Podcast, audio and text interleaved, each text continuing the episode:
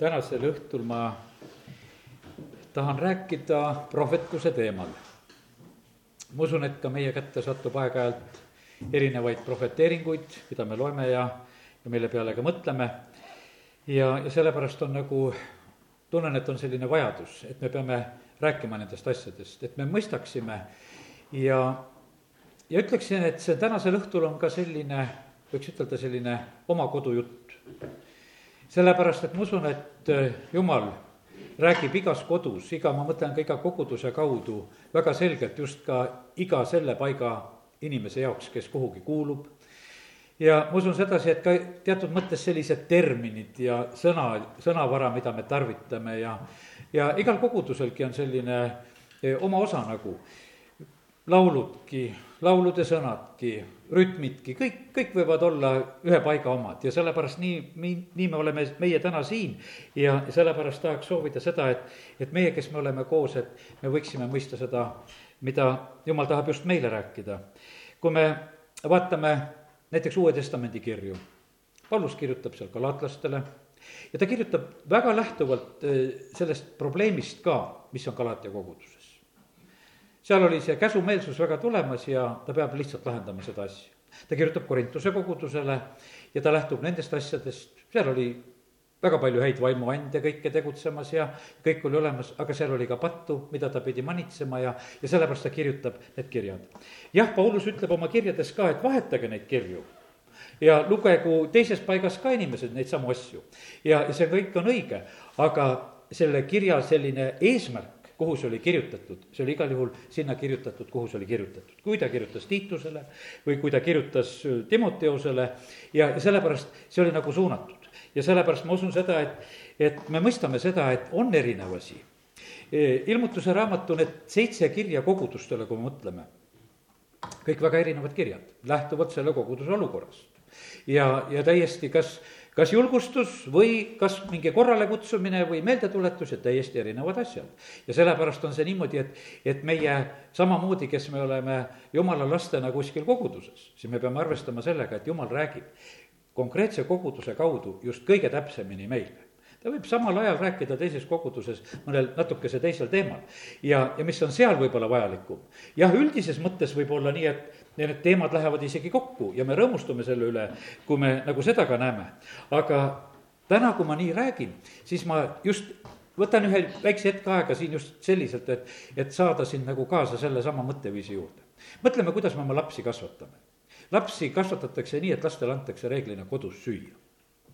no ütleme, et käiakse lasteaedades ja koolides ja kohtades ja seal on ka need, need söögikorrad, aga põhimõtteliselt on niimoodi, et lapsevanem valdab seda teemat, kuidas tema laps on toidetud, kas ta hommikul sõi või ei söönud, eh, kuidas ta lõuna ajal sõi, eh, kuidas oli see õhtul, keegi nagu teab seda, mis nagu toimub.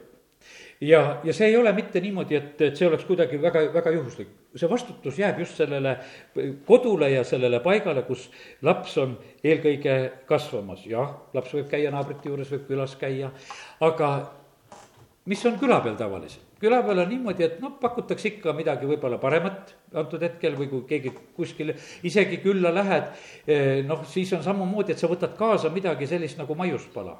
ja, ja sellepärast, kallid, on niimoodi, et me isegi ei saa elada külalistest et meil tuleb see ka asi ära õppida. et eh, kui, kui me mõtleme niimoodi, et, et külalised meid ära toidavad, siis me tegelikult petame ennast. sellepärast, et meie igapäevane leib anna meile tänapäev. ja pidupäeval jumal anna ka seda rasvast ja rammusat ja, ja magusat ja mis iganes, nii nagu piibel ütleb ja, ja sellepärast, aga me ei tohi vaata igapäevast ära kaotada.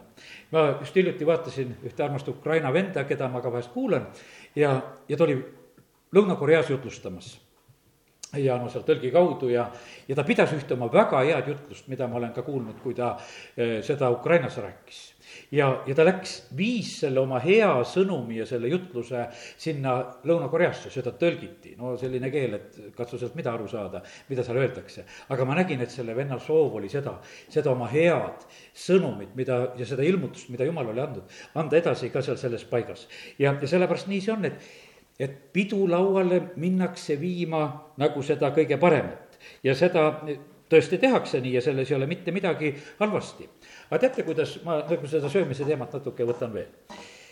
Eh, vahest, kui me läheme arsti juurde, siis on üks selline küsimus, aga mis sa sõid? aga mis sa sõid? miks sul kõht valutab? no mida sa sõid, mis sa sinna sisse ajasid? ja sellepärast täna eh, ma nagu juhin mõnele asjale tähelepanu, pane tähele seda, mida sa sööd. ütleksin ka, et ära ole vaimulikus mõttes kogu aeg tilguti otsas. Sest et mõne, mõni ütleb niimoodi, et, et mul on kogu aeg midagi lahti. kas pereraadio või teine või kolmas asi, no ma sain selle ilmutuse, et sa oled nagu tilguti otsas. kas sa suudad eh, vahepeal nagu ära ka selle võtta, kas sa suudad vaikselt olla? kas sa suudad söögivahe vastu pidada? või sured ära? või peab sul olema kogu aeg tilguti taga? Mõtle selle peale ja, ja sellepärast tegel-, tegelikkuses on siin äh, tõetera sees, sellepärast et tilguti all on haiged. ma mäletan, et üks mu tuttav kunagi ütles, et tal on ööpäev ringi mängib raadio. et äh, tegelikult, mis see küsimus oli, see ei olnud päästetud inimene. see probleem oli selles, et ta ei suuda vaikuses olla. Ei suuda vaikuses olla ja sul peab kogu aeg see taust taga olema ja sa, sellepärast sa kardad nagu seda vaikust ja sul peab olema see nagu kogu aeg taga, sul mingi, mingi asi peab olema. ja, ja sellepärast täna, kui me oleme siin selles jumala kojas ma tahaks nagu need esimesed sellised viited teha selle koha pealt, et kuidas meiega on, kuidas on meie toitumisega ja selle koguduse tööperioodi jooksul, mis ma olen näinud, kõige paremini saavad aidatud need inimesed, kes toituvad võimalikult ühest kohast. Nendega saab hakkama. Need inimesed, kes arvavad, et, et sööd ühelt laualt ja sööd teiselt laualt kohe üle ja lähed kolmandast lauast ka sööd, eh, siis on eh, sageli on nii, et raske on neid inimesi aidata sellepärast, et täiesti selge on see, et erinevates kogudustes annad, antakse täitsa erinevat nõuannet. kui sa oleksid õigeusu kirikus, siis sa oleksid pidanud üheksateistkümnendal jaanuaril jääauku käima kastmas et sa oma pattudest puhtaks saaks. ja, ja kogu lugu, kolm tuhat viissada kohta üle Venemaa ja inimesed innukalt käisid, kolm korda pead veel sinna kastma sisse. ja, ja nad teevad seda, no sest et neid õpetatakse sellele. see on tohutu tegelikult sellise, selline enesesalgamine, et sa oled valmis minema jääauku, et, et teha seda sammu, sest Jeesus ristiti sellel ajal ja, ja kõik sellised kallid asjad kokku pandud ja, ja sa leiad, et sa peadki seda tegema, kui sa tahad, et su vaimuliku eluga oleks korras. ja, sellepärast, ja kui me käime niimoodi ringi, me korjame siit ja teisest ja kolmandast kohast, siis me oleme tegelikult, tegelikult me oleme segaduses ja, ja sellepärast on see nii, et aga jumal on täiesti usaldanud niimoodi, et, et igas peres on jumala vaim valmis kaasa töötama, igas peres on jumal valmis neid lapsi kasvatama ja, ja sellepärast täna ma tahaksingi soovida seda, et, et tahaksin soovida sulle sellist rahu ja julgust, et, et jumal suudab sind toita. jumal saab sinuga hakkama ja, ja sellepärast ole, ole julge ja, ja katsu, katsu kätte saada seda kõike, mida just eelkõige ka selles koguduses, kus sa käid, kuhu sa kuulud, mida sulle seal jagatakse ja ja ole julge, et see jätab tegelikult sind ka tegelikult ellu. ja, ja see tuleb sulle õnnistuseks. jäävad Hiina restoranid, jäävad Vene restoranid ja me tegelikult ei tahakski, et nad kõik ühte nägu saaksid. sest et kui sa tahad ikka Hiina restorani riisi minna sööma, siis on rõõm, kui sa selle sealt eest leiad ja kui sa tahad minna pelmeene sööma, siis sa tead, kuhu sa lähed ja, ja, ja sellepärast vahe on vahel. Ja sellepärast on, jäägu need asjad, jäägu need toidud, jäägu need jooned, jäägu need täiesti alles. ja sellepärast jumal võtab igast rahva suguharust omale rahvad. Ja inimesed kord tema trooni ette ja nad tulevad tegelikult eri paikadest. söömised ja päevade pidamised, Rooma kirja neljateistkümnendas peatükis Apostel Paulus lahkab seda teemat, no seal on juttu lihatoitudest ja taimetoitudest ja kes mida saab ja mida võib ja ja mida usub ja sööb ja, ja, ja siis on ka need päevade pidamised. ma ütlen seda ka lugu, et, et erinevatel kogudustel on erinevad päevad. ja, ja meie riimame niikuinii teiste koguduste päevasid, sellepärast et me ei tea nende päevasid ja me ei pea nende päevasid. sellepärast, et nemad, nendel on mingisugused päevad, mida nad ütlevad, et täna on just see päev ja me peame seda. ja sellepärast Apostel Paulus ütleb samamoodi, et mõni arvab ühte päeva tead paremaks teisest ja, ja, ja sellepärast ja nende jaoks ongi see see päev ja, ja las see päev olla. ja, ja meil on see päev, mida meie oleme ütelnud, et on see päev. ja, ja sellepärast nii see on, et, et meil võib olla väga palju selliseid erinevaid asju ja, ja see tegelikult ei tohiks meid üksteist tegelikult absoluutselt segada. ja me peaksime selles olukorras tegelikult väga hästi ka hakkama saama aga nagu ütlesin, et ma täna tulen nüüd eh, siit eh, sellise sissejuhatuse juurest, mida ma tegin, tegelikult prohvetluse teema juurde. kuidas me peaksime mõistma prohvetlust? Prohvetid on jumala hääl siin selles maailmas. jumal tarvitab prohveteid, ta räägib oma prohvetite läbi jumal on isegi ennast väga tugevalt sidunud prohvetlike häältega, ta ütleb, et ta ei tee mitte midagi, ilmutamata oma nõu oma sulastele prohvetitele. ja sellepärast on see, et mida jumal on tegemas, sellest ta räägib või on rääkinud, sest ta on seda tõotanud. ja jumal on tegelikult väga kindlalt ja julgelt oma sõna taga seismas ja, ja sellepärast olgu see nõnda, et, et me mõistaksime, et kui tähtis on ka tegelikult just prohvetlik sõnum. tegelikult prohvetlik sõnum on Eh, nii Vanas kui Uues Testamendis. me, me oleme sellega üsna harjunud, et need on olemas. Nad on muutunud isegi meile väga, võiks ütelda, tavaliseks. sellepärast, et no need prohvetid, suuremad ja väiksemad, nii nagu me Vanast Testamendist me leiame ja ja, ja siis Uues Testamendis samamoodi on ilmutuse raamat ja ja, ja siis on, me leiame teistest raamatutest ja kirjadest samamoodi, kus on selline prohvetlik sõnum on sees. ja sellepärast see on tegelikult meie, meie jaoks nii eh, tavaline ja, ja loogiline asi Eh, ka Jeesus ise oli prohvet.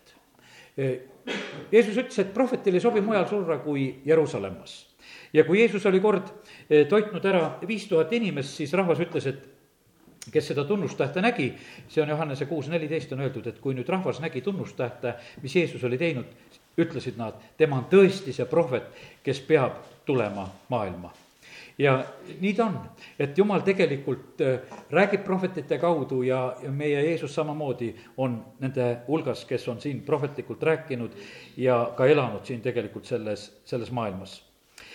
ja meie jaoks võib-olla kõige see teravam teema, mille juurde ma nüüd vaikselt edasi liigun, on see, et äh, aga kuidas teha vahet õige ja vale vahel, sest sõna ütleb väga selgelt sedasi ka, et, et väga palju valeprohvetid on läinud välja maailma kuidas teha vahet, mis on õige ja mis on vale.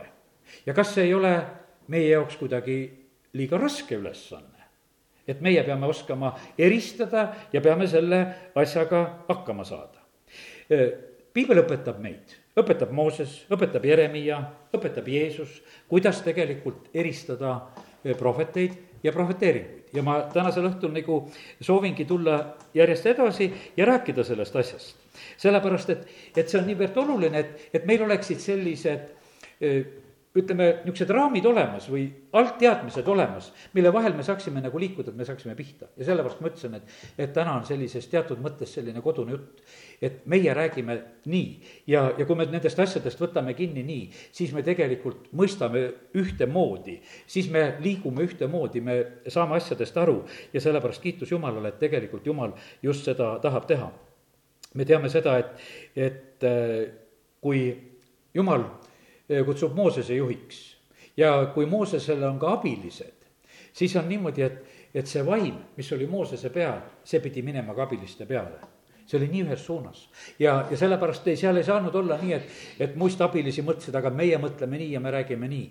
vaid tegelikult see oli nii ühes suunas liikumine, sellepärast tegelikult jumal ei korralda segadust. sellepärast ma usun sedasi, et üks jumala perekond, kus on, eh, siis, siis on see keel, see mõtteviis, see on ühtemoodi olemas ja see tegelikult tuleb eh, väga suureks õnnistuseks ja, ja jumal on eh, väga valvas tegelikult oma sõna teoks tegema, mida ta ka on oma prohvetite kaudu välja rääkimas ja sellepärast on see eh, väga tähtis ja, ja väga oluline.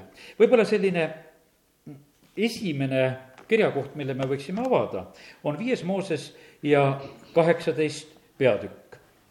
ja selles kaheksateistkümnendas peatükis räägitakse ebausust, räägitakse valeprohvetitest ja, ja räägit-, räägitakse ka sellest, kuidas siis me oskaksime ära tunda, millised on õiged prohvetid. ja viisteist salm ütleb, et issand, su jumal äratab sulle sinu keskelt su vendade hulgast ühe prohveti, minu sarnase, teda te peate kuulama. Mooses õpetab ja räägib, ütleb, et jumal äratab ühe prohveti, see on tegelikult Jeesuse kohta räägitud jutt et jumal äratab ühe prohveti, keda peab kuulama ja kallid, pange nüüd tähele, prohvetit peab kuulama. kogudus ehitatakse apostlite ja prohvetite alusele. me oleme ise teinud ühe muudatuse tegelikult, et äh, valdavalt on väga tähtsad pastorid, sest et pastor on koguduses olemas. väga tähtsad on õpetajad, kes oskavad midagi ära õpetada ja rääkida, väga tähtis. ja meile meeldivad evangelistid kes tulevad ja kuulutavad, kutsuvad inimesi päästmisele ja kui veel tervendamise ant töötab ka kaasa, no see on super ja seda on vaja. aga sõna ütleb, et, et ehitatakse kogudus apostlite ja prohvetite alusele. ja tegelikult need apostlid ja prohvetid, mis peaksid olema nüüd nagu aluseks, siis need on jäänud tegelikult suhteliselt välja, täna me ei räägi niivõrd apostlitest ja, ja tänu jumalale, et meie ei ole päris ilma sellest apostellikust võidmisest, sest selle otsuse, mis me oleme teinud ennast ka Riiaga sidudes, see on toonud tegelikult meile selle apostelliku võitmise, mis on niivõrd oluline, et, et see oleks olemas. ja, ja sellepärast, kallid, jumal on oma sõna taga ja ta tahab, et, et kogudused oleksid just sellisel alusel. ja siis on prohvetid, keda jumal tarvitab ja, ja kelle suud ta tarvitab ja sellepärast meie peame eh, oskama neid asju ära eristada, mis siis on. ja Mooses õpetab samamoodi ka kaheksateistkümnendast salmist. ma äratan neile ühe prohveti nende vendade keskelt, niisuguse nagu sina. ja ma panen oma sõnad ta suhu ja ta räägib neile kõik, mida mina teda käsin. prohveti ülesanne siin tuleb väga hästi juba välja, et prohvet peab tegelikult rääkima neid asju, mida jumal teda käsib. ja kes ei kuula mu sõnu, mida ta räägib minu nimel, sellelt nõuan mina ise aru ja kui ütleme, prohvet räägib neid sõnu, mida jumal andis, siis see toob tegelikult vastutuse inimesele, kes neid prohvetlikke sõnu ka kuulis. aga kahekümnes salm, jätkan siit, aga prohvet, kes suurusteles räägib midagi minu nimel, mida mina ei ole teda käskinud rääkida, või kes räägib teiste jumalate nimel, see prohvet peab surema. nüüd on esimene selline piirangu koht, kui prohvet räägib omast, kui ta tahab olla vägev, sellepärast et antud hetkel võib-olla jumal nii vahvalt ei ütelnud. ja sa tahaksid olla natukese nagu suurem, sest jumal andis võib-olla liiga väikese sõnumi ütelda. võib-olla andis liiga lühikese ütluse. tahaksid ikka, et midagi vägevamat veel sünniks ja sellepärast võib olla see selline kiusatus, et aga ma panen midagi juurde sest jumal on kunagi niimoodi rääkinud ja ta on kunagi niimoodi teinud ja ma ütlen selle praegu ka ja, ja klapin need asjad kuidagi kokku selliselt. aga jumal ütleb, et ei, et kui prohvet teeb seda kuidagi suurustades asja ja, ja teeb veel hoopis teiste jumalate nimel, siis selline prohvet peab surema. ja, ja kui sa mõtled oma südames, siin jätkub, kuidas me tunneme sõna, mida issand ei ole rääkinud? kuidas me tunneme ära selle, mida issand ei ole rääkinud? siis on vastus väga lihtne siis kui prohvet räägib issanda nimel, aga midagi ei sünni ega tule, siis on see sõna, mida issand ei ole rääkinud. prohvet on seda rääkinud ülemeelikusest, ära karda teda. esimene selline väga lihtne asi on öeldud sedasi, et see asi, mis ei sünni, siis tähendab, seda on räägitud ülemeelikusest või teiste jumalate nimel või kuidas see on sündinud, aga kui see asi ei ole sündinud, siis tegelikult on see olnud üks vale asi ütleme siit saadik väga lihtne. aga ega see asi nii lihtsaks ei jää. sellepärast, et kui nüüd äh, ma hakkan järgnevalt tooma ka selliseid piibli näiteid, siis me näeme seda, et need asjad, mida näiteks jumala prohvetid räägib, keda me usume sada protsenti, et nad on jumala prohvetid, siis need asjad alati ei täitu. ja mis me siis teeme nende asjadega? no ma toon mõningad näited. Joona läheb Niinevesse, Joona raamatu kolmas peatükk ja teine salm ütleb sealt nii, võta kätte, mine Niinevesse, sinna suurde linna ja pea sellele jutlus, nagu ma sind käsin. väga konkreetne käsk. ta peab minema Niinevesse ja jutlus selline, mida mina sind käsin. neljas salm räägib juba, kuidas Joona seda teeb ja Joona hakkas linna läbi käima, käies esimese päeva teed, ta hüüdis ja ütles, veel nelikümmend päeva ja Niineve hävitatakse. ja viies salm ütleb ja Nineve mehed uskusid Jumalasse, kuulutasid paastu, riietusid kotiriidesse, nii suured kui väikesed. ja me kõik teame seda, et neljakümne päeva pärast Ninevet ei hävitatud. aga Joona ütlus oli just see, veel nelikümmend päeva ja Nineve hävitatakse. ja ta on vale prohvet, ei hävitatud ju. no ei hävitatud, järgi jäi. isegi Joona on seal kurb istub oma kikajooni puu all ja, ja on hädas, et kuule, et, et jumal sellele rahvale armu andis. talle oleks meeldinud, et selle prohveteeringu alusel olekski niimoodi täide näinud. et ise ma natuke kaugemalt vaatan, kuidas see häving sealt tuleb. aga tegelikult oli nii, et see rahvas parandas meelt ja tegelikult jumal ei hävitanud. jutlus oli hävitatakse veel nelikümmend päeva ja hävitatakse. ja siis neljakümne päeva pärast ei ole hävinud. Ja sellepärast, kallid, me peame samamoodi mõistma, et asjades võivad tulla muudatused. prohvet oli õige, jutlus oli õige, aga asi läks teiseks ja see läks teiseks meeleparanduse kaudu. ja sellepärast nii see on, et me peame seda mõistma, isegi Soodoma ja Gomorra koha pealt. jumal ütleb, et kas ma peaksin varjama oma sõbra Abrahami eest nüüd seda asja, et ma tahan seda linna hävitada. ja, ja tegelikult jumal tuleb tingimustega kaasa. kui viiskümmend õiget, kuni kümme õiget. kui me leiame kümme õiget, siis seda ei tule ja sellepärast on niimoodi, et on välja kuulutatud see otsus ja see võib saada pidurdatud ja, ja sellepärast on see niimoodi, et ma mäletan, et eh, siin aastal kaks tuhat seitse eh, noh, tegime ühe sellise loo. mu abikaasa tõlkis Kennet Koplandi ühe eh, prohveteeringu kahe tuhande seitsmenda aasta kohta, see oli Kennet Koplandi venekeelses lehes. ja me panime selle siis ühte listi, kus seal valdavalt siis sellised ütleme, usklikud inimesed kuuluvad. ja noh, kui see prohveteering sai sinna pandud, ma panin sinna, sinna ülesse, siis oli vaikus. siis läks täpselt aasta mööda. ja siis tuli esimene reageering. see ei sündinud. ja, ja siis võtsid teised ka tuld ja siis hakati panema sellel teemal. Mina sain isegi sellest oma kooli lõputööks väga head näited ja asjad ja ma tarvitasin selle täielikult ära. sellepärast, et tegelikult vaata, kuidas inimesed noh, olid nagu ootamas, et kas läheb või ei lähe. ja ma ei jää praegusel hetkel nagu selle juurde, seal oli mõni täitsa põnev moment, millest võiks muidugi rääkida, aga panete tähele, kuidas on nende asjadega, inimesed tegelikult on janus, nad tahaksid seda, et prohveteeringud täituksid, me tahaksime näha väga prohveteeringute täitumist. näiteks isegi, kui David Wilkerson käis Eestis, siis oli selline lugu, et Rakvere, ütleme siis leht, linnaleht, kirjutab sellel teemal, millised Wilkersoni prohveteeringud on täitunud ja millised eh, noh, ütleme, millest ta veel nagu räägib ja nad täiesti lahkasid seda teemat. sest et inimesi väga huvitab, inimesed otsivad lahendust ja nad tahaksid näha seda väga kuidagi noh, mustvalgelt, et kuidas me selle kätte saame. aga täna me just õpime ja räägime seda asja, et meie ei pea olema nendes asjades segaduses.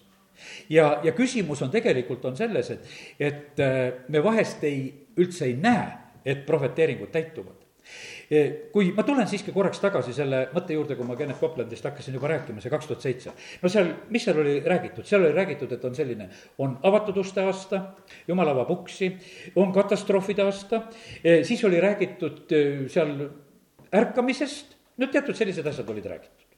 ja nüüd oli niimoodi, et hakati otsima, no kus olid siis need katastroofid, kus, kus oli siis ärkamine ja, ja noh, ütleme, et ja kus olid need avatud uksed ja inimesed hakkasid seda asja nii võtma. ja tegelikult oli nii sellel aastal oli väga palju katastroofe. mina noh, ütleme lihtsalt teadlikult otsisin selle kaks tuhat seitse aasta läbi. isegi riigi ilmateenistuse portaalid rääkisid, et maailma väga katastroofide rohke aasta. aga kallid, need katastroofid lähevad meist mööda. sellepärast, et vaata, need maavärinad ja asjad, kui kuskil on Nad on korraks meil päevakorras ja meil on need unustatud.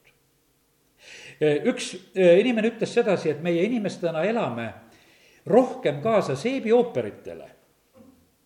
et kuidas Mariaga seal järgmises osas läheb, eks sest see nagu ei lähe meelest ära, aga me ei näe ärkamist, me ei näe katastroofe, me ei näe neid asju, sest need lähevad kuidagi meist nii mööda. ja me elame tõesti, no nii klapid peas siin selles maailmas. ja siis me vahest ütleme, et jumal, sa jälle eksisid ei, jumal ei eksinud. oli, oli ärkamisi, eh, oli katastroofe, kõike seda tegelikult oli, oli uksi, oli võimalusi, kõiki neid asju tegelikult sündis. kuidas tegelikult ärkamistest pannakse mööda, kui ma täna seda tähelepanu juhin. Oleviste kirikus on ehvata ärkamine, seda räägitakse nüüd tagant, tagantjärgi see, see tegelikult oli olemas, ütleme, võimud tolleaegsed märkasid, nemad tulid seda lõpuks summutama ja tegema. aga kristlaskond ei märganud seda, väga paljud kogudused eirasid seda, väga paljud kogudused panid lausa vastu. väga paljud kogudused päästsid ära inimesi selle ärkamise keskelt, et ta sai sellises hullus kohas päästetud. teda on vaja ära päästa, et teise kogudusse viia, et ta saaks õige koha peale. täieliku jamaga tegeldi. ja, ja siis on niimoodi, et no nende jaoks ei olnud mitte mingisugust ärkamist, see oli õnnetus et inimesed saavad terveks. no sest mõned asjad olid neile arusaamatud, miks nad võib-olla kukuvad, miks nad nii käituvad, miks seal ühte või teist juhtub, miks need asjad on. ja sellepärast on see niimoodi, et, et, et mida jumal on vahest siin selles maailmas tegemas, põhimõte võib olla vahest selles, et inimesed ei tahagi seda näha. Nad ei tahagi seda näha ja siis nad ütlevad, et seda ei ole olnud. ja, ja sellepärast, kallid, täna, kui me räägime nendest asjadest, siis ma tahaksin rääkida nii, et, et ärme oleme niimoodi rumalad vaid katsume hoopis leida nagu hoopis seda, mida jumal on rääkinud, kuidas ta seda on teinud. noh, prohveteeringutega on üldse see asi veel, et, et meie asi on tegelikult kaasa palvetada.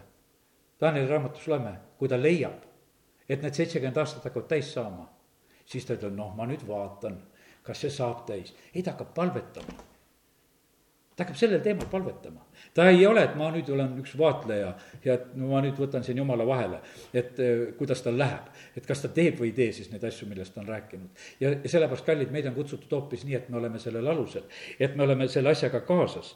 ja, ja sellepärast aidaku meid Jumal, et me mõistaksime neid asju, kuidas on.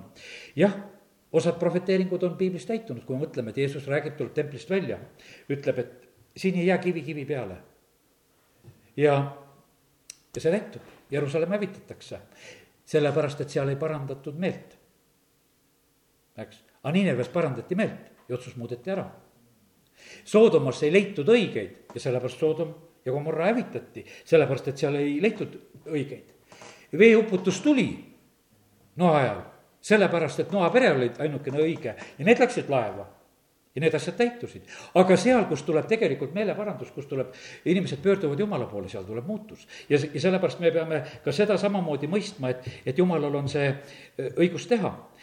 Jumal on nii püha ja õiglane, kui ta räägib Salomoniga no Salomoni elu lõpp, me teame samamoodi, et, et valed altarid ja, ja naised viivad teisi jumalaid teenima, kõike mis iganes. jumal ütleb, et tegelikult on asi nii, et, et, et see kuningriik nüüd läheb laiali ja ma võtan ära selle tegelikult, aga ma ei võta seda praegu sinu päevil, ma kisun ära selle sinu poja päe-, käest. ja sellepärast on niimoodi, et, et jumal vahest lükkab teatud asju lihtsalt edasi. ta ütleb, et tegelikult on mul juba mõõt täis.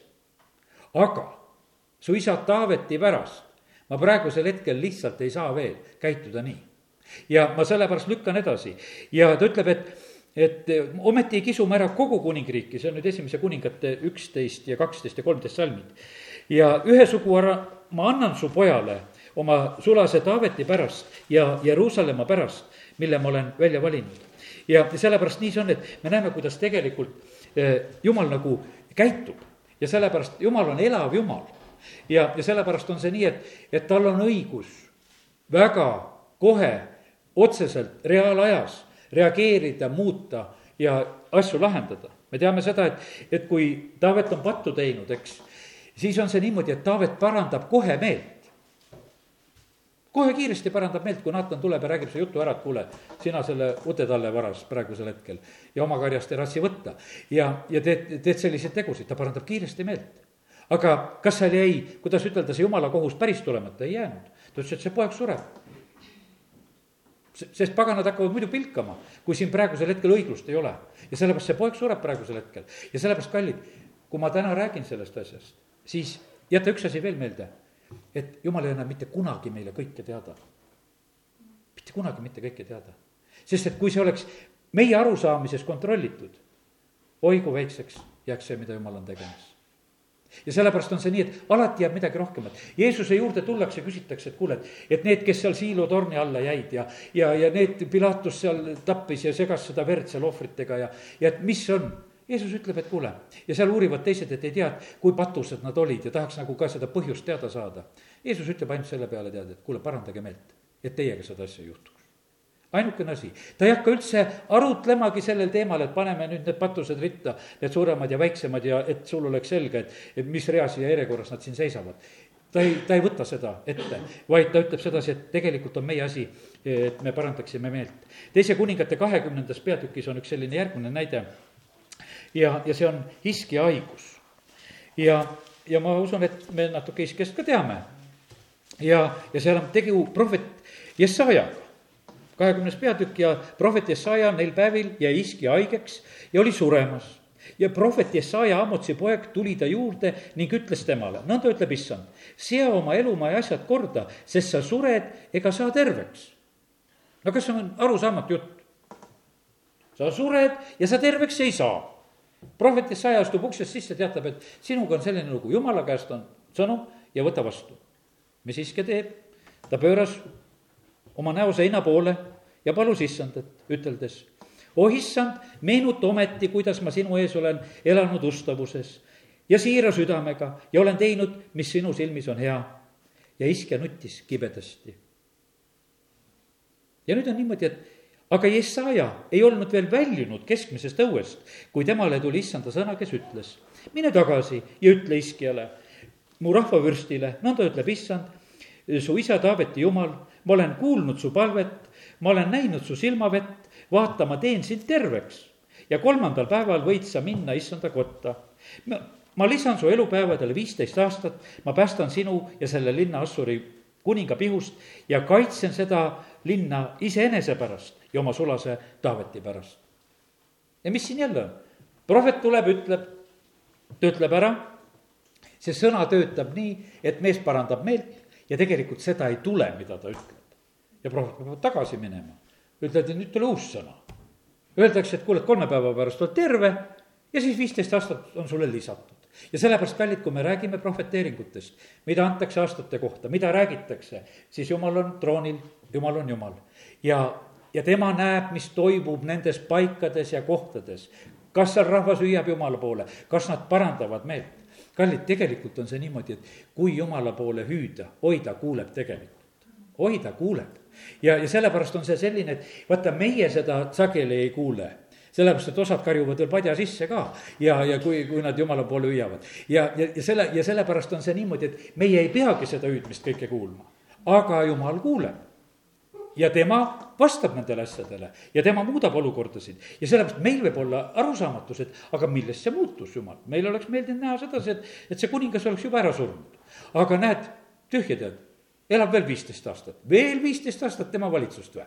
aga jumal ütleb jah, ma teen selle niimoodi, et nüüd nii ongi. ja sellepärast me näeme täna, kui neid prohveteeringuid ja asju nüüd natukese vaatame, me näeme, et kui suuri muutusi tegelikult toob sellesse asjasse just ka meeleparandus. kui tugev asi on tegelikult meeleparandus. ja, ja kas see meeleparandus on siis meile nii kallis asi? jäta täna meelde, et jälle see võiks olla üks väga kallis asi, sest see on väga tugev asi Jumala ees, mis toob muutusi me mõtleme usk ja, ja meie palved ja me paneme sellega kõvasti, et siis, siis on hästi. aga jumal ütleb, et tegelikult mulle meeldib see murtud süda, mulle meeldib see meeleparandus, mis, millega sa mu ette tuled, mulle, mulle hoopis meeldib see. ja, ja sellepärast nii see on, et jumal on jumal ja tema vastab meile nii, kuidas tema vastab ja jumal on andnud meile selle eesõiguse.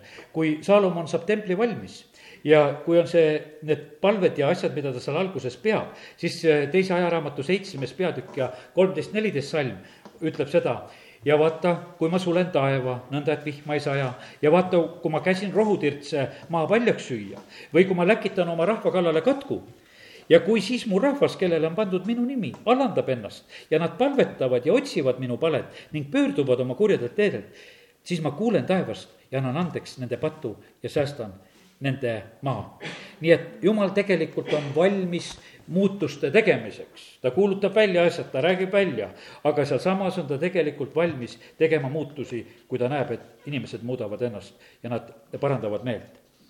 ja sellepärast tahaks täna ütelda seda, usalda Jumalat, ta on hea isa taevas, ta on väga õiglane ja ta teeb väga hästi ja sellepärast on see nii, et me kõiki asju ei tea, tema teab. kord küsitakse Jeesuse käest selle ühe pimeda poisi pärast ja jüngrid küsisid, see on Johannese üheksa kaks, küsisid temalt, rabi, kes on pattu teinud? kas tema ise või ta vanemad, et ta on sündinud pimedana? Ta oli seal üheksa kuu jooksul pattu kõvasti teinud. ja, ja siis nad arutavad sedasi, et kas nende pattude pärast, mida see laps ema jõus tegi, või, või ta vanemad tegid pattu. et ütle meile nüüd ära.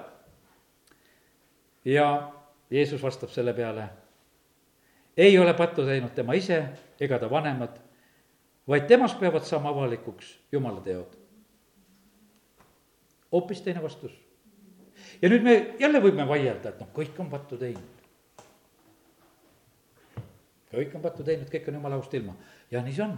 aga me näeme sedasi, et, et selle koha pealt ja, ja see, et see poiss oli pime, on Jeesusel väga selge vastus ja ta ütleb, see, see on hoopis teise, teise loo pärast. ja see pime poiss sai nägijaks ja sellepärast Jumal on Jumal ja, ja tema teeb oma tegusid. ja, ja sellepärast on see niimoodi, et jäta meelde, et on olemas vahe, mida meie mõistame ja on vahe selles, mida me peame tegema ja vahest on see, mida me peame tegema, on rohkem, kui me mõistame. me peame rohkem usaldama, kui me aru saame. Abraham läheb välja sinna, kuhu ta ei tea. lihtsalt jumal ütles, kuule, jäta oma see kodumaa praegusel hetkel maha ja mine sellele maale, mis ma sulle lihtsalt näitan. ja ta läheb sinna, mida ta ei tea ta läheb sinna vaatama, käib ringi, vaatab selle asja üle, et kuhu ma siis pidin nüüd tulema. ja, ja sellepärast on see nii, et, et jumal tahab tegelikult meid juhtida ja me peame laskma ennast juhtida. ja, aga see ei tähenda, et me oleme kõige teadjad ja sellepärast ära istu sellel positsioonil, et ma tahan kõike teada saada, et siis ma liigutan ennast. vaid liiguta usus ennast ja, ja nende teadmistega nii palju, kui sul on ja mine edasi ja sellepärast kiitus Jumalale. nüüd see oli nagu, ütleme siin mõned lood, Mooses, eh, Iske lood, Joona lood, mis me oleme rääkinud. aga kuidas Jeesus õpetab, ma lähen nüüd Uude Testamenti ja seitsmes peatükk Mattiuse evangeeliumist ja salmid viisteist kuni kakskümmend. Jeesus hoiatab valeprohvetite eest, kes tulevad teie juurde lambanahas. seestpidi on nad kiskjatundid. Te tunnete nad ära nende viljast ega viigimarju korjata kibuvitstelt ega viinamar-, viigimarju ohakailt. nõnda siis kannab iga hea puu head vilja, aga halb puu halba vilja. hea puu ei või kanda halba vilja ega halb puu kanda head vilja. iga puu, mis ei kanna head vilja, raiutakse maa ja visatakse tulle. küllap te tunnete nad ära nende viljast. ja nüüd on niimoodi, et, et see esimene ütleme, oluline kriteerium, mida Mooses ütles, et kas täitub või ei täitu. sellest me rääkisime, jah, ja see jääb oma kohale, kas täitub või ei täitu, see jääb oma kohale täiesti. ja nüüd, aga seal olid juures erandid. ja millest me ka rääkisime sellepärast on see niimoodi, et, et me peame arvestama, et on, on reegel ja on need erandid juures, mida jumal saab teha ja teebki. aga nüüd Jeesuse õpetus on hoopis teisest nurgast, ütleb, et tegelikult peab ära tundma viljast ja nüüd on niimoodi, sa võtad mingisuguse prohveteeringu võib-olla, mis on ka praegusel ajal kuskil olnud, siis on niimoodi, et osad inimesed on eh, tuntud inimesed, noh, nagu täna näiteks rääkisime Kennet Koplandist, et vähemalt teleka kaudugi teame, vähemalt teame mingite raamatute kaudu, vähemalt on mingisugune pilt ees, et kui pikk ta on ja milline mees ta on ja, ja midagi me tast teame, eks. meil on midagi olemas. aga osad prohveteeringud, mis meile tulevad, no absoluutselt ei tea. on lihtsalt mingisugune nimi, sest maailm on suur ja meil on nii palju õdesid-vendasid, kes on kuskil Aafrikas ja kes on kuskil Lõuna-Ameerikas ja kes on kuskil võib-olla Indias ja no ja seal Koreas ja kohas ja no mõned on tuttavamad nimed juba, aga teised on lihtsalt täiesti võõras nimi, aga, aga ta räägib kuskil midagi. ja, ja siis on selline, et, et kuidas tunda ja kas me siis sellele viljalegi ligi pääseme, et millist vilja ta kannab no see vili tegelikult ongi selline, eelkõige võiks ütelda see, et, et milline on tema elu.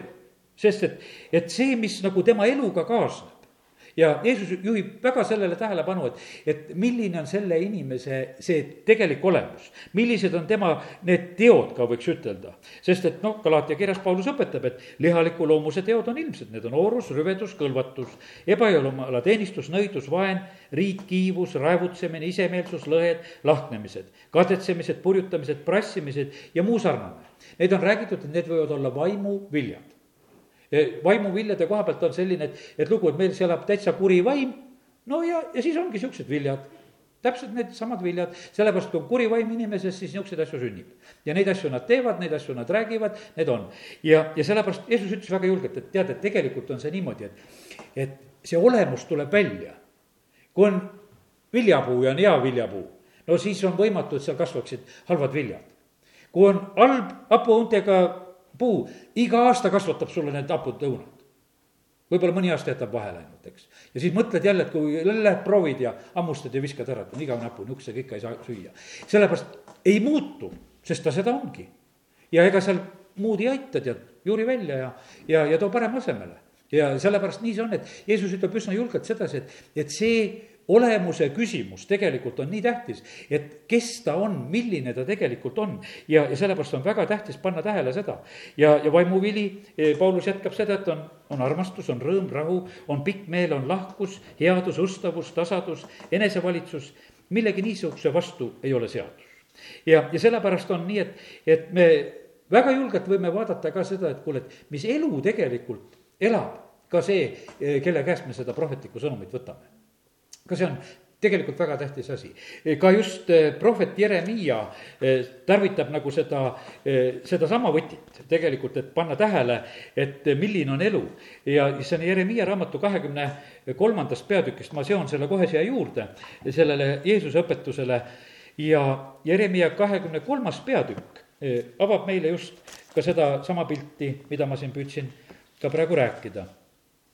ja ja mis siin räägitakse, et mis need valeprohvetid siis teevad? ja ma loen siit kahekümne kolmanda peatüki näiteks eh, üheteistkümnendast salmist. nii hästi prohvet kui preester on jumala kartmatu. koguni oma enesekojast ma olen, olen leidnud nende kurjust, ütleb issand. ja, see on niimoodi, et jumal ütleb, kuule, nad ei karda, nad on kurjad ma leian seda, et minu kojas on sellised ja nad kannavad prohveti ja preestri nime. seepärast on nende tee neile otse kui libastuskohaks pimeduses. Neid tõugatakse ja nad langevad seal, sest ma toon neile õnnetuse. jumal ütleb, et ma näen ära, et kuule, täiesti vale koha peal on see preester ja prohvet ja nendel peab olema libe koht all, nendele banaanikoored alla ja nad lendavad, kogu lugu. ja nüüd on niimoodi, et äh, ka Samaaria prohvetite juures, kolmteist salm, ma leidsin jõledust. Nad kuulutasid prohvetlikult Paali nimel ja eksitasid mu rahvast Iisraeli. aga Jeruusalemma prohvetite juures ma nägin kohutavaid asju ja teate, mis need kohutavad asjad olid? abielu rikkumist, nad nägid nende juures abielu rikkumist, prohvet rikkus abielu. viljas, täiesti ole midagi keerukat, tal on salaelu, võiks ütelda, tal on topeltelu, tal on see, et nad rikuvad abielu, ma näen abielu rikkumist. valelikku eluviisi. valelikku eluviisi. no ütleme, et see prohveti ja preestri abielu rikkumine, võiks ütelda, siin on topelt, sest et kui ta juba paaliga tegeleb, siis ta on vaimulikus mõttes rikkunud abielu jumalaga. ja, ja siis, kui ta veel rikub selles elus ka, siis see on topelt lihtsalt. valelik eluviis, kui asjad ei ole korras kui lihtsalt asjad ei ole korras, kui on vale, on elus. kui ei ole, kui ei ole asjad selged ja sellepärast jumal ütleb, et vaata, prohveteid vaatad selliselt. aga nüüd sa võid küsida, et kust ma tean, mis ta seal teeb. Lõuna-Ameerikas, rikub ta abielu või ei riku, eks. no kust me tõesti teame, eks rasked küsimused jääda üles. ja, ja, ja milline on tema eluviis? kallid, me tõesti kõiki asju ei tea. ja, ja sellepärast, aga kallid, meil on püha vaim, mis juhib meid tegelikult kõigesse tõtte. ja sellepärast me ei pea ka siin mingisugusesse paanikasse sattuma. aga põhimõtteliselt on need, need asjad, et kus need nagu meile kätte paistavad, siis on niimoodi, et need on tegelikult jumala sõnas väga selgelt hoiatatud asjad. ja, ja mis siin veel oli? ja, ja siis on niimoodi, et nad julgustavad kurjategijaid et ükski ei pöörduks oma kurjusest. ja kui nad on tegelikult valede asjade julgustajad, need, kes teevad kurja, nad kiidavad neid taga. ja, ja sellepärast on see nii, et, et jumal ütleb, et vaata, siin ma tõmbangi need nagu paljaks ja näitan, et, et need asjad on nende juures äh, halvasti ja jumal ütleb, et siin äh, viisteist salm lõpupoole, et vaata, ma söödan neid koirohuga ja joodan mürgiveega sest äh, ju Jeruusalemma prohveteist on jumala kartmatus levinud kogu maale no ta ütleb väga, et issand, ärge kuulake nende prohvetite sõnu, kes teile prohvetlikult kuulutavad. Nad ainult tüssavad teid tühiste lootustega. Nad räägivad oma südame kujutlustest, mitte issanda suust. issand on öelnud, nad siis ütlevad, nad ütlevad ühtepuhku mu laimajaile, issand on öelnud, teil on rahu ja igale ühele, kes käib oma südame paadumuses, nad ütlevad, teil ei tule õnnetust ja, ja see on sageli on see selline, et, et isegi kurb küll, et need sellised head ütlemised, neid tuleb veel rohkem läbi katsuda. sellepärast, et vaata, seda head on lihtne ütelda. reits pidi tulema ütlema, et häda tuleb. no ei tahagi ütlema minna sihukest asja. no aga kuule, teil ei tule õnnetust, kallid Te olete nii õnnistatud, te olete hoitud. no seda ei ole mitte kellelgi äh, raske nagu välja ütelda. sellega käi ringi ja, ja kuuluta, et kõik on hästi. aga tegelikult, kui jumal tahab meid hoiatada, parem on, kui me oleme hoiatatud, eks. ja, ja sellepärast on see nii, et, et ka me näeme, et, et prohvet Jeremiah toob neid välja, ütleb, et kuule, et need, need valeprohvetid kipuvad vahest niimoodi, et nad räägivad seda, mis tegelikult inimestele meeldivad no prohvet Jeremiah enda lugu oli tegelikult, oli selline, et, et tema pidi rääkima, et lähete Paabeli vangipõlve valeprohvetid sealjuures rääkisid, ei lähe. ja kui lähete, siis kuule, kaks aastat ja tagasi.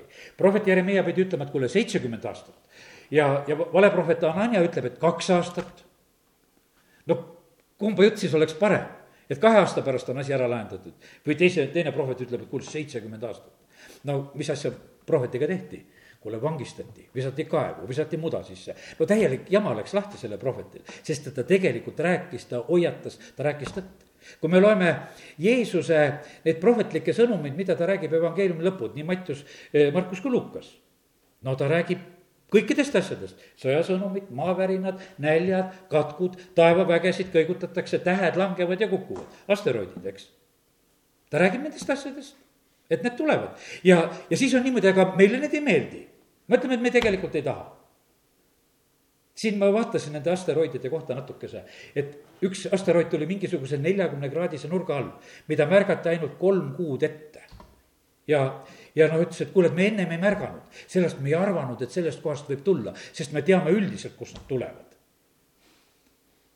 ja, ja nii see on tegelikult, et jumala sõna räägib, et kõigutatakse, kuu muutub vereks päike, tead need asjad, mis seal räägitakse meile, meil võib tunduda seal, mis värk on, läheb pimedaks. ja need asjad, ka Jeesus tegelikult räägib nendest asjadest ja siis me vahest nagu märkame, et keegi jälle kuskil räägib midagi. aga kallid, kuidas me täna rääkisime nendest asjadest?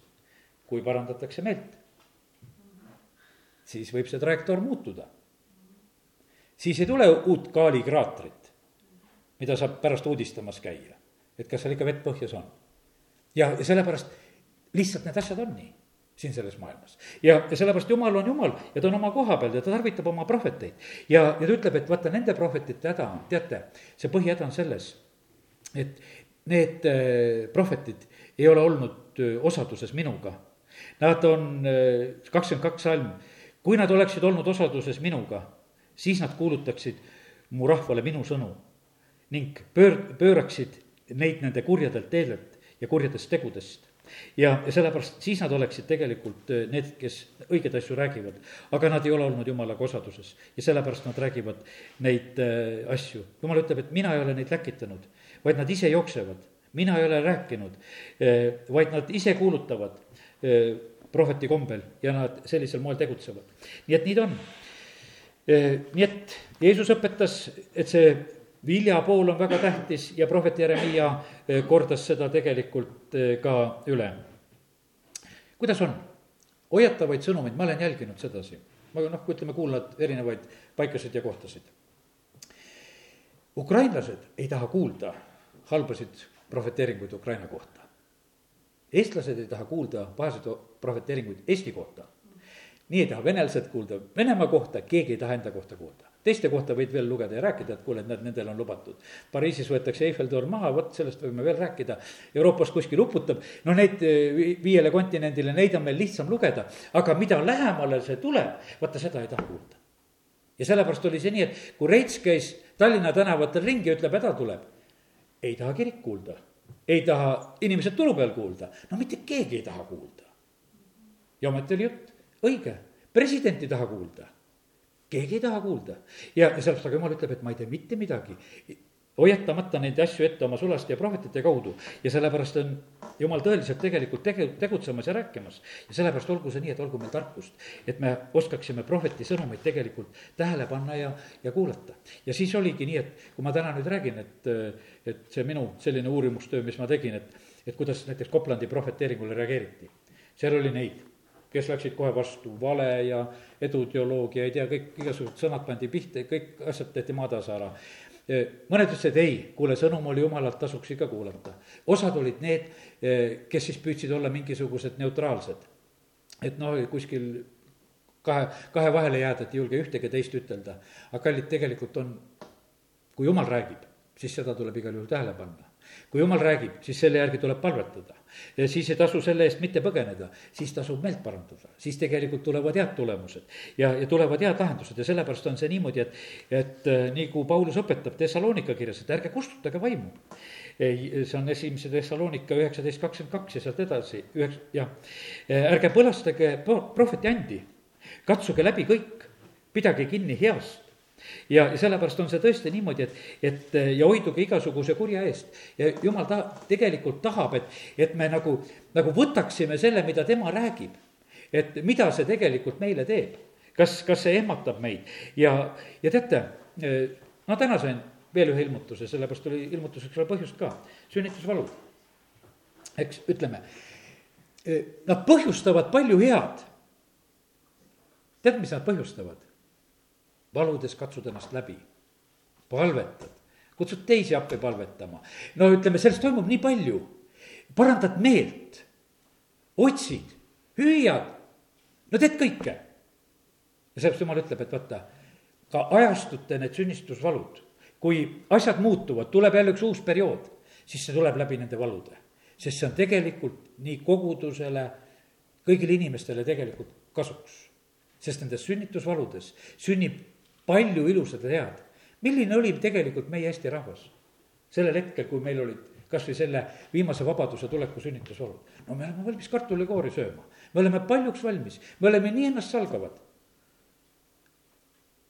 see, see oli lihtsalt sellel hetkel sellepärast, et oli kitsas, oli valus ja siis tehti tõotusi, see on nagu Peipsi peal, et aga kui jalad põhjas, noh, siis vannud ja et kuule, maa on jalgade all jälle ja kõik eks. ja kõik need lubadused, aga jumal ütleb, et tasu mulle oma tõotused. ja tegelikult on niimoodi, et nendes kitsastes kohtades pannakse rahvad otsima Jumalat, tehakse tõotusi ja jumal tahab, et me tegelikult need peaksime. ja, ja sellepärast on ta nii, et ta lubab tegelikult meil olla vahest eh, nendes väga, väga kitsastes kohtades. ja ja see tuleb tegelikult õnnistuseks. ja, sellepärast täna ka ma usun, et kui me eh, paneme tähele, siis tegelikult jumal on samamoodi, läkitab selle sõna, et see saadaks meie juures midagi korda. siis on eh, esimese Johannese kiri neli, üks kuni kolm on öeldud eh, õigest ja valest vaimust, armsad, ärge usaldage iga vaimu, vaid katsuge läbi, kas nad on jumalast, sest palju valeprohveteid on läinud välja maailma. Te tunnete Jumala vaimu sellest, iga vaim, kes tunnistab Jeesust Kristust lihasse tulnuna, see on jumalast. ning ükski vaim, kes seda Jeesust ei tunnista, ei ole jumalast, vaid see on antikristus oma, eh, kellest te olete kuulnud, et ta tuleb. ja nüüd ongi juba maailmas. ja sellepärast nii ta on, et tegelikult ma usun, et ka see vaimne tunnetus on nii olemas kui olemas me tunneme ära jumala vaimu, me tunneme ära õdede-vendade osaduse, kui me saame kokku, see on nii tuntav. mine, mine teise maakera poolde kuskile paika, sa lihtsalt tajud ja tunned ära selle, selle vaimu osaduse, vaimu ühtsuse ja, sellepärast kiitus Jumalale. ütlen veel mõned sellised asjad välja, kuidas Apostel Paulus õpetab. ta ütleb, et, et esimese Korintuse neliteist, seal räägitakse koguduse ehitamisest ja räägitakse, et kuidas meie sisemist inimest ka üles ehitada, palvetad keeltes ja su sisemine inimene saab üles ehitatud ja, ja, ja siis ta õpetab, kuidas need asjad koguduses peaksid käima. prohvetist eh,, prohvetitest kõnelgu kaks või kolm ning teised hinnaku kõneldud. ja, ja kallid, see on niimoodi, et, et ma usun sedasi, et need väga isiklikud prohveteeringud, mis meile tulevad vahest on selline, et, et äh, meie peame need samamoodi hindama, meile meeldivad tegelikult isiklikud prohveteeringud. me lindistame neid, mis öeldi, mis öeldi meie kogudusele, mis öeldi minule, vaata see tuli, ütles jälle sedasi. aga tegelikult on selle koha peal on väga tähtis, et sa võtaksid sellise eh, hindamise ette, et tegelikult, kas jumal on mulle ka seda rääkinud. Sellepärast, et põhimõtteliselt on see niimoodi, et ikka, et jumal tegelikult ilmutab, ta ilmutab meile ka. ja, ja sellepärast me saame tegelikult seda kõneldut ka hinnata, et kas see, kas see on see. või, või on seal olnud praegusel hetkel ka midagi, mis on lihtsalt tulnud kogemata või, või, või lihtsalt läinud valesti. ja, ja sellepärast on see niimoodi, et ega eh, prohvet on inimene. ta on kogu aeg ise see filter. sest et alati ei taha nii pahasti ütelda hästi asja, võib-olla ütled kergemini välja. Sellepärast, et kuule, hästi asja on tore ütelda, et kuule, et see inimesele ju meeldib. aga kui on tõsine hoiatus, kui sa pead minema ütlema, et nagu iskele mindi ütlema, et kuule, et tead, et võta nüüd oma asjad korda, sa pead surema ja terveks sa ei saa. ja, ja sellepärast ma olen näinud, et inimene läheb eh, haige juurde, võtad Apostlite tegudest hoopis teise koha, et kuule, et sea oma ase korda, tõuse üles ja sa saad terveks. noh, sa võid selle salmi võtta, aga kui sa võtsid selle oma peaga, no mis sellest kasu on sellele inimesele? parem võtnud siiski oma, lugenud ette, kuule, sea oma asjad korda.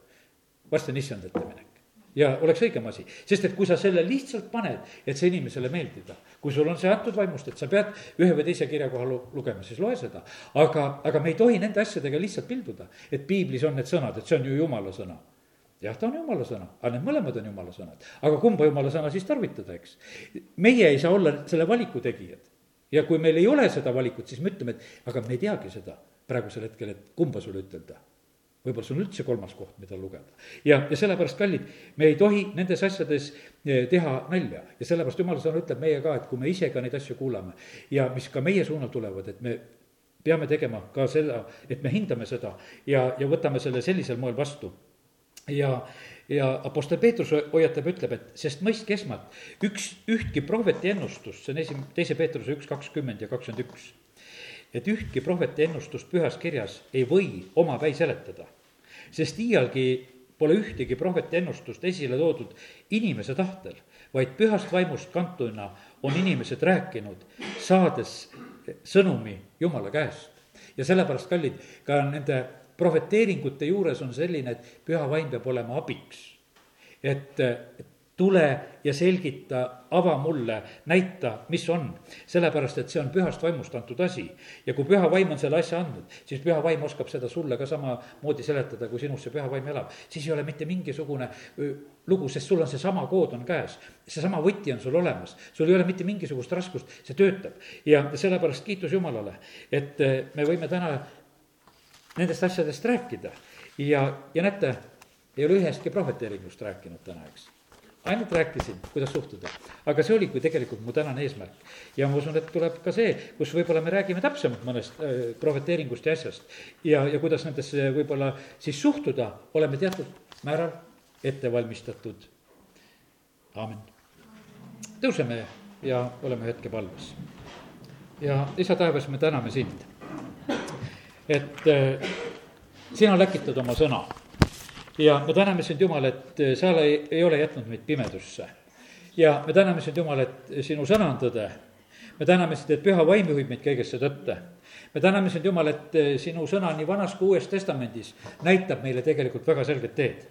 Ja me täname sind, Jumal, et me võime kõigi nende karide vahel mis on siin selles maailmas, mida vaenlane üritab ka panna, me võime puhtalt läbi minna ja tulla, isa, me täname, kiidame, ülistame sind selle eest. ja me täname sind, Jumal, et me tohime praegusel hetkel ja ajal paluda seda, et need prohveteeringud ja asjad, mis meie kõrvu kostavad, Jumal, aita, et me saaksime kätte need hoiatused ja mida sina tahad hoiatada. aita, et me saaksime kätte need julgustused, millega sina meid tahad julgustada. ja aita, Jumal, et me saaksime kõik selle kätte, mida vaim kogudustele tahab ütelda.